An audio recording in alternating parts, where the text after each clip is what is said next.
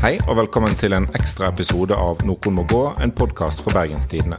Mitt navn er Morten Myksvold, og med meg over internett så har jeg Gerd Kjellflot og Jens Kiel. Jo. Hvordan går det med dere?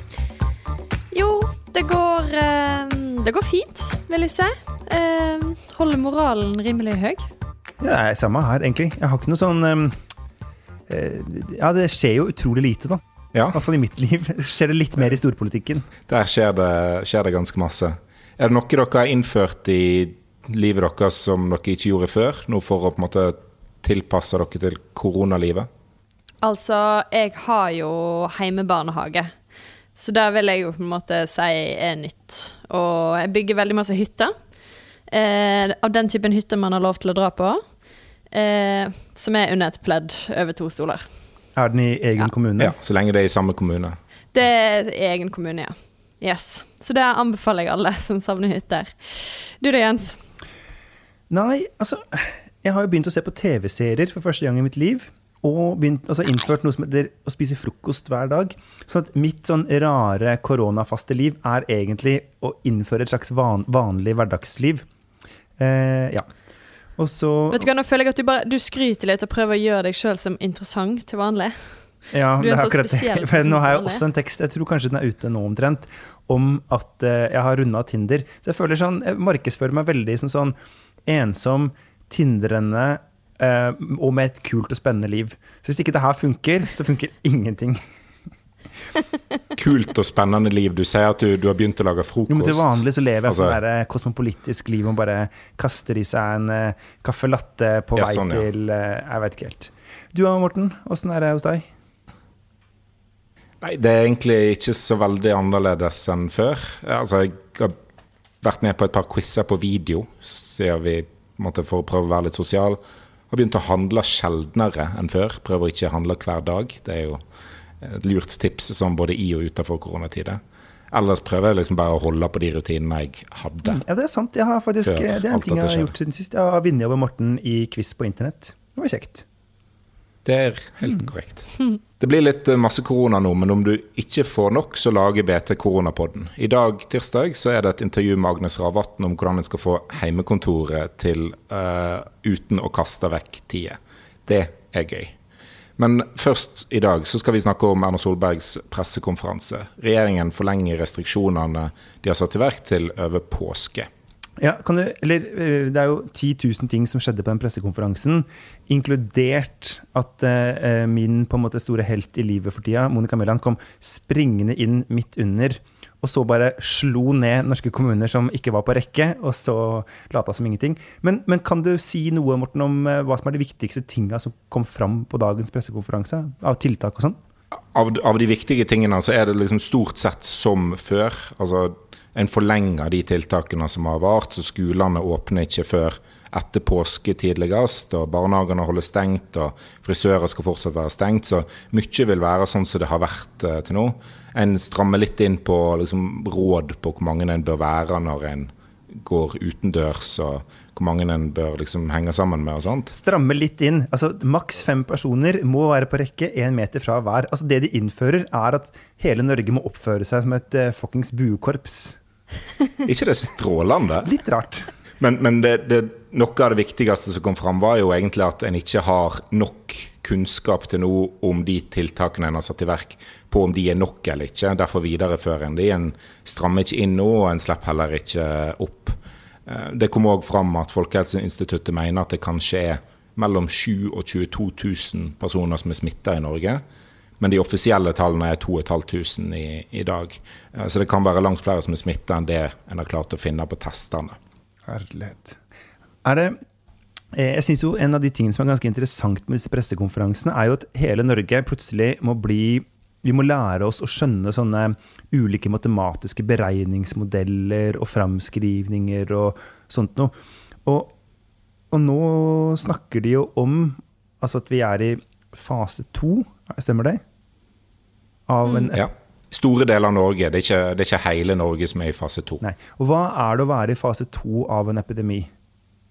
Sånn som jeg har forstått det, så er det fase to er liksom en av de forberedende fasene der når en går over i fase tre, så måtte tar det litt av. Det er da epidemien virkelig slår inn, og fase fire er epidemien på topp. Så vi er på en måte i den oppbyggende fasen eh, ja. på smitte nå. Så så, vi er fremdeles i den fasen hvor vi kan tillate oss å diskutere eh, sånn hvordan vi går på tur og sånt nå. For i fase tre så rekker vi liksom ikke det, for da blir det bare mayhem over hele linja. Ja, men jeg, jeg er jo litt usikker på om vi egentlig har tid til å diskutere sånne ting, eller om vi skal liksom ta inn over oss hvor alvorlig dette her er, da. Åh, Morten Viksvold, mannen med de listige nyhetene. altså, ja. Radøys blideste gutt. Jeg er ikke fra Radøy. Altså, jeg kan, kan, jeg si én ting om denne pressekonferansen? som er en slags, For istedenfor å snakke om de alvorlige tingene, så vil jo jeg helst egentlig bare prate om mediekritikk. Men Dette er din podkast òg, så vær så god. Det er jo din podkast og Gerrit sin podkast. Eh, ja. Jeg tenkte på at Her står eh, statsministeren i Norge og helseministeren og eh, fagetaten, og det er liksom ganske sånn heavy når de sier vi veit hva dette koster, vi veit hvor kjipt, hvor utrolig dritt dette er for dere, men vi gjør det i tre uker til.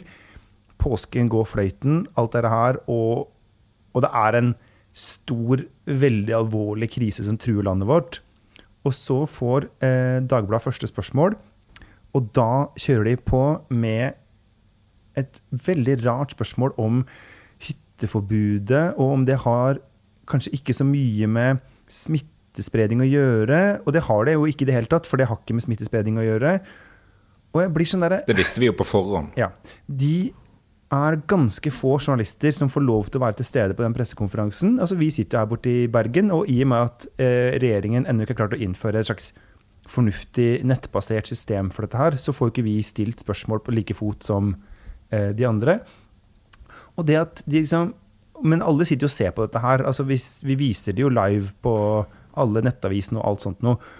Og, og, da blir det jo sånn at de som får stille spørsmål der, får jo stilt spørsmål som alle må lytte til, og alle må lytte til svaret på. Og det første spørsmålet handler om det derre pokkers hytteforbudet, som er, det er viktig å diskutere, men ikke akkurat der. Og når da Nettavisen følger opp litt seinere med å spørre hvor Erna Solberg handler blåbæra sine, som jo i hvert fall ikke har noe med noen ting å gjøre, jeg kjenner at det blir sånn Vet du hva? Jeg, bare, jeg, kan ikke, jeg, kan ikke, forholde meg til dette her. nå er landet i krise, og jeg mobiliserer alt jeg kan. Jeg, eh, jeg kjeder vettet av meg her hjemme til ære for nasjonen Norge. Og så kommer jeg og spør om hvor Erna kjøper blåbæra sine. Vet du hva? Takk for meg. Jeg Takk til at jeg ble sånn ordentlig adrenalinsynt. Unnskyld. Jeg skal eh, bli blid igjen til fredag. Til den vanlige episoden. Ja. Gerd, hva tenker du om blåbær og hytte? Um, er det viktig? Uh, Nja Det er jo Altså, vi må selvsagt Du har ikke like sterke følelser om dette som Jens? Nei, men uh, tydeligvis ikke. Det, det, her klarer ikke jeg å, å presse fram. Men, um, men, det er klart at Nei, vi må jo diskutere dette hytteforbudet, men det, det, det ble veldig mye i dag. Jeg så også at um, Jonas Gahr Støre var sitert på at uh, påsken er jo en av de viktigste hyttehøytidene uh, i dette landet. Og det var et nytt ord for meg. Hyttehøytid. Um, jeg vet ikke hva som er deres favoritthyttehøytid? Nei, Det veit jeg ikke, faktisk. Men jeg hadde en gang en engelsk bok på barneskolen hvor man skulle på en måte gå gjennom de forskjellige høytidene, og hvor det ble forklart at eh, Easter in Norway is when Norwegians uh, fix their um, boat and prepare it for the summer season. Så tenkte jeg å ja, er det det som er påske i Norge? Det, jeg, ja. det likte jeg litt. Ja. Ja. veldig treffende. Det er i hvert fall et, et alternativ til å dra på hytta i disse dager, da. Mm. Ja, siden det ikke er et alternativ å reise på hytta. Ja, nemlig. Um, ja. Mm. Jeg, jeg, er egentlig enig med, med, Jens i at dette her er det, det er tåpelig å stille spørsmål om det, fordi vi visste svaret på forhånd. Hytteforbudet er ikke et smitteverntiltak. Det handler om kapasitet i, i, i de kommunene, spesielt de kommunene med få innbyggere, men mange hytter. Så er det et problem. Og da har vi diskutert det i flere dager. Kan vi være så snill å bare ikke diskutere det lite grann? For det, jeg tenker at det er en debatt som tyder på at en tror at koronakrise blir kortvarig. Altså kan en slippe altså Frp sendte ut en del sitat fra Siv Jensen i dag om at, uh, at en burde være mer fleksibel på, uh, på hytteforbudet, f.eks.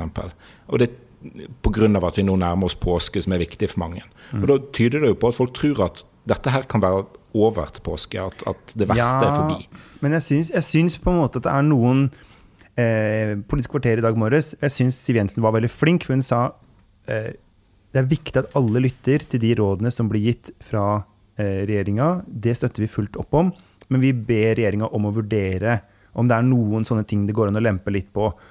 Og eh, eksempel så er det jo stor forskjell, som en del har pekt på, på at hvis du reiser på eh, på hytte i Hallingdal, da, hvor det er titalls mil til det neste store sykehuset, som ligger, det ligger jo et på Hønefoss. Og det å f.eks., sånn som i Trøndelag, hvor en av de store hyttekommunene er Levanger, som har det store sykehuset for den delen av Trøndelag. Så du er, det er ikke noe Og, og, og det gir det er, det er liksom noe med å kanskje etter hvert kunne gi litt mer lokale tilpassa råd. Og det syns jeg høres ut som en farbar strategi, fordi vi er jo avhengig av at rådene får legitimitet og oppslutning. Så ja, jeg syns, egentlig Siv har vist seg fra en veldig god side i den debatten. Men det, der er det meg, da. Men jeg, jeg tenker at altså Hvis en ikke klarer å følge liksom rådet om å være hjemme fra hytta, hva skjer hvis regjeringen innfører strengere tiltak?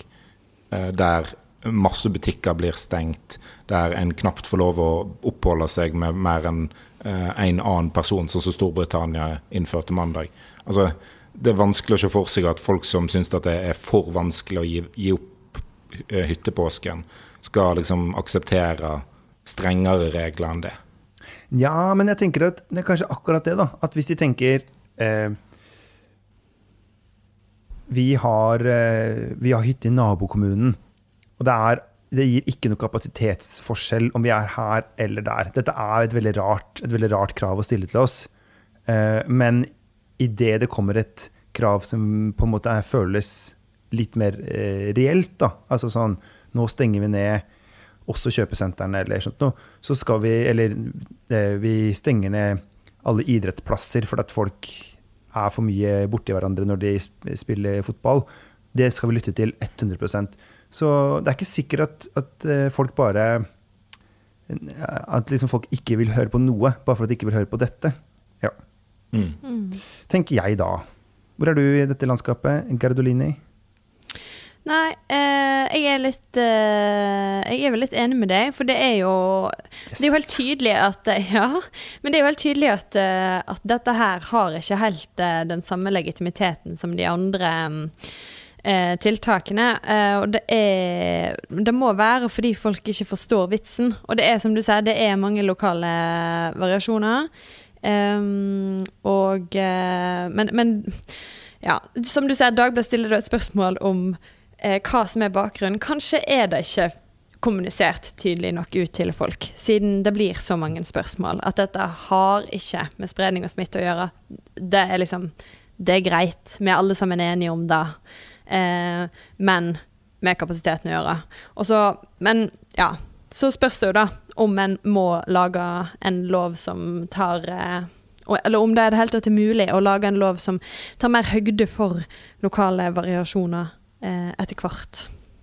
Sånn at det kanskje er mulig å dra på ei hytte der det ikke fører til noen større problemer, mens å dra til Hemsedal, eh, som vil skape store problemer, ikke er mulig. Jeg veit Ja, ikke. folk burde jo generelt ikke dra til Hemsedal. Nei. Holde seg vekke. Sp- Spørsmålet er jo hvor masse krefter en skal bruke på å lage sånne lokalt tilpassa regler. Altså, det som irriterer meg mest med dette spørsmålet egentlig nå, er Altså, det kom som første spørsmål på en pressekonferanse der en egentlig sier at kanskje er det fem-ti ganger så mange smitta i Norge som det de offisielle tallene tyder på.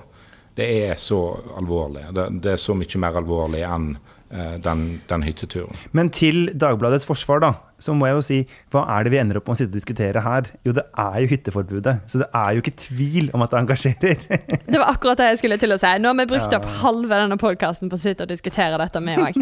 Men eh, bare for, skal hvis vi skal si én annen ting også, om det her greiene som skjedde i dag, så var det jo på en måte at de presenterer nå en, en uh, mulighet for å klare å slå ned dette viruset, heller enn å, uh, enn å bare smøre smitten tynt nok utover til at helsevesenet klarer å håndtere det. Uh, så jeg vil kanskje si at jeg jeg kjente litt på noe positivt etter denne pressekonferansen i dag. Fordi det er noe med at det vi gjør, funker kanskje bedre enn vi kunne håpe på. Eh, kanskje. Det er, litt, det er, litt, vanskelig av og til å skjønne, fordi jeg tror det som kom fra Bent Høie, var veldig positive signaler. Men han sier det jo som om bikkja di har daua. Så det er jo et eller annet man å prøve å desifrere at det antageligvis var bra. Men for at ja. Eh, hva betyr det? Eh, er det noen av dere som klarer å forklare meg hva det betyr å slå ned viruset? Det betyr, Så, ja. at, det betyr at eh, hver og en som er smitta, eh, smitter så få andre at, eh, at, vi, at, det etter hvert helt stopper opp. Da. Eh, og at det ikke er sånn at nødvendigvis 2,2 millioner nordmenn skal få dette i løpet av året, men at mm. en faktisk klarer å stoppe det opp Um, såpass at en kan lempe på tiltakene etter hvert, og så vil det faktisk komme en vaksine som, som gjør at ja, de, de, store massene slipper kanskje å, å få dette. Men ja. før en um, kan lempe på tiltakene, så vil jo en sånn type strategi mest sannsynlig bety strengere tiltak enn det vi har i dag. Uh, for i dag følger en jo den, uh, den bremsestrategien, som de kaller det. Og så antyder en at en skal gå over til den der uh, slå ned, eller uh, og, og, bruke hardere lut, egentlig. Nå høres du ut som Bent Høie. Ja, men jeg hadde ikke et positivt budskap å komme med, så det kan godt hende at jeg Du har som regel ikke det, Morten. Nei. Men jeg tenker at For det her virker for meg som det er et slags sånn, sånn som eh, når man melder seg på pyramidespill som jeg jo ikke anbefaler våre lyttere å drive med, men, men, vi har jo ikke så mye annet å gjøre i våre dager. Og da er det jo gjerne sånn at eh, for å få være med videre, så må du kanskje rekruttere to, tre, fire nye. Men på et eller annet tidspunkt så er det jo ikke flere der ute som er gira på å tape alle pengene sine inn i greiene, så man kanskje bare klarer å rekruttere null eller én. Og da stopper de opp, og så blir det helt krise. Visste dere forresten at eh, Albania mista 70% av eh, bruttonasjonalproduktet sitt en gang på 90-tallet. For at hele landet var med i det samme pyramidespillet. Nok om det. Eh, så, sånn er det vel med dette viruset. At på et eller annet tidspunkt, så, hvis de klarer nå å slå det ned sånn at det blir 0 til én istedenfor to til tre eller én til to, ja. så da, da, er vi liksom der vi skal være. Ja, det er det som er håper. Er dette verdens verste sammenligning? Nei, kanskje ikke. Um... Det ga veldig mening i hodet mitt, tror du. Ja, men det er det mange ting som gjør, Jens. Jeg tror vi skal gå litt videre til um, hvordan situasjonen måtte, ser ut på bakken akkurat nå. Altså, det kom en sak i dag om at arbeidsledigheten har passert 10 uh, eh, Opp fra 2,2 uh, eh, i slutten av februar, så er han nå over 10% både i Vestland fylke, men òg nasjonalt. Det er en må tilbake til 30-tallet for å finne lignende tall, eh, vært det sagt det er jo helt vanvittig. Altså En passerer snart 300 000 arbeidsledige i Norge. Mm. mm. Jeg tenker at det er, det er, jo helt utrolig, det er jo en dobbel krise. For det er jo en krise for eh, samfunnet og for Vestlandet og for Norge. Men det er jo også en utrolig dyp krise for den enkelte. Nå er det jo mange i den gruppa som heldigvis bare er permitterte. Sånn at det er jo håp om at mange av de skal tilbake i jobbene sine etter hvert. Men Eh, og mange på Vestlandet er jo håper jeg, proffer i å være permitterte. altså i, eh, på verft og andre plasser hvor det jo eh, av og til er permitteringer. Men det er dystre greier. Men likevel da, så tenker jeg at jeg syns det er litt sånn farlig nå, for nå sier alle det der med 30-tallet, og så sammenligner man det med det. Eller man bruker liksom det uttrykket, det henger igjen. Forskjellen på nå og da er at nå er det jo da 26 ukers permitteringstid i Norge. Altså at du får da Eh, betalt fra staten og bitte litt fra bedriften til starten. Og nå snakker de om å utvide det til 52 uker. På 30-tallet så var det jo ingenting sånt noe. Så ja, Sammenligningen med 30-tallet er i andel av folk, men det er jo klart mye verre å være arbeidsledig på 30-tallet. Ja. Men hvis vi likevel eh, ikke skal sammenligne problemene våre med 30-tallet, for da har vi jo ingen problemer, noen av oss, noensinne. Eh, men uansett, da. Så det her vil jo likevel være en enorm kostnad for samfunnet og for enkeltpersoner. For det er jo da altså rundt 300 000 mennesker som rundt i påsken vil gå ned eh, til to tredjedels lønn eh, når de går over på dagpenger. Eh, Dette vil jo påvirke økonomien vår eh, enda mer negativt, når folk bare får så mange får så mye mindre å rutte med. Mm. Ja, Så det, det, er skremmende, det. Ja, ja, det er jo helt um, Det er litt sånn sjokkarta for oss alle. Ja. Så, og jeg har tenkt i hvert fall litt at um, Sånn som vår egen bransje, da. ikke sant? Er, eh, hvor det nå er i full gang med permitteringer. Og, og, det er jo en ganske liten bransje. så det er jo litt sånn det er jo ikke bare å, hvis du blir permittert fra én plass, at du bare får en jobb et eller annet annet, at det liksom åpner seg. Ja. Og, men jeg har tenkt likevel at eller Og så er det ikke én sektor som sliter, da. Altså Det er òg et problem. Det er ikke bare én sektor som sliter der en blir permittert, det er hele økonomien. Mm. For nå skal jo på fredag så kommer vel de mer sektorvise tiltakene. Det blir jo veldig spennende å se hvordan de har jobba med det, og hvilke sektorer de peker mest på. Men jeg tror likevel at vi må på en måte erkjenne at det er jo en del næringer som er F.eks. her på Vestlandet, som har eh, lav eh, si, profittmargin, hvor det er lite penger som er igjen i kassa når utgiftene er telt fra. Og hvor da dette slår utrolig hardt ut. Kanskje er det en del av de næringene som ikke dukker opp på samme måte igjen på andre sida av dette. Eh, og at vi må begynne å tenke allerede nå på vi, altså hvilke næringer er det vi tror at kommer til å bare være varig mindre, og om det går an å bruke disse permitteringspengene på omstilling heller enn bare lediggang, og at folk skal på en måte prøve å konkurrere seg tilbake igjen i de samme yrkene. For dette, det, det, virker på en måte urealistisk, da. Sånn som i en del av turistnæringa og osv. Hvor, hvor, hvor tenker du om det? Ja, altså Cruisenæringen i Bergen f.eks. Ikke sikkert at den tar seg opp igjen med en gang epidemien eh, går over. Altså Det kan ta lang tid for eh, en, i hvert fall en del av reiselivet å, å komme seg på beina igjen. For det, det, forutsetter jo at folk ute i verden vil reise og har råd til å reise. Eh, og Norge er jo et av de landene som er måte, best stilt til å møte den økonomiske sida av denne krisa. Eh, så hvis folk i Europa og i Asia ikke flyr til Norge, så er jo det et problem for reiselivet på lang, lang sikt. Mm. mm. Jeg tenker også handelsnæringa, som jo fyller opp ehm, eh, sentrum i dag, og er utrolig viktig for at eh, Bergen sentrum, men også veldig mange andre eh, bysentrum på Vestlandet har liv. da har jo vært prega av allerede to-tre forskjellige kjempeviktige endringer. Én, altså sentrumsdøden. Folk vil heller handle på kjøpesenter eller på nettet. To, automatisering. At det trengs ikke så mange i hver butikk lenger, og alt det her.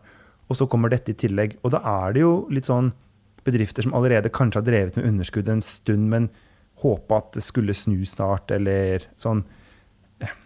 Kanskje må vi tenke at både de folka må gjøre noe helt annet i framtida, og at vi må prøve at sentrum ikke kommer til å være akkurat sånn som det har vært. da. Og hvordan skal, vi, hvordan skal det være når det ikke er Eh, butikker og kafeer som fyller på gateplan. Det må jo være noe annet der som ikke gjør at det ser tomt og trist ut. Ja. ja for du kan jo få litt samme effekten på, på netthandel som, er nå, som vi får når vi hele tida har videokonferanser. Sant? At en kanskje i framtida og etter koronasmitten forsvinner, at en fortsatt har en del videokonferanser i stedet for å reise. Eh, det kan hende flere folk rett og slett netthandler eh, etter denne krisa enn det en gjorde før. Og da er det jo en akselerasjon av den butikkdøden. Men så er det jo en del vaner som vi nå eh, bare har måttet kvitte oss med fullstendig, som vil komme tilbake. Så jeg håper jo inderlig at en del bedrifter også klarer å komme over denne kneika. For jeg tenker at en del også har virkelig livets rett. Dette er bare en så vill unntakstilstand at, eh, at ingenting at de ikke klarer seg nå, betyr ingenting, eh, eller sier ingenting om hvor godt de, de er rustet til å klare seg eh, ellers. Så ja, både òg, da. Det blir jo sånn en slipper ut kalvene om våren når, når disse tiltakene her blir, blir sluppet løs. Så kommer vi til å springe rundt i byen og gå på alt som finnes av puber og konserter. og vi kommer til å shoppe, altså De som har råd til det, kommer til å gjøre masse sånne ting. det er gitt at det her bare blir sluppet opp. Nå, er, nå må du ta frem din indre Bent Høie igjen. Det, det, kommer til å gå sakte. Eller bare den indre Morten Myksvold. Ja.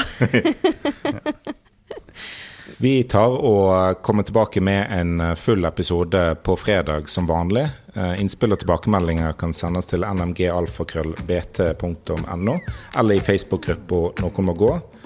Eh, intromusikken her var bergenser av Bjørn Torske. Produsent av denne ekstrasendingen, takk skal du ha, var Henrik Svanvik. Du finner oss i BT Lytt-appen og hvor enn du kjøper dine podkaster helt kostnadsfritt. Ha det bra. Ha det. Hei då.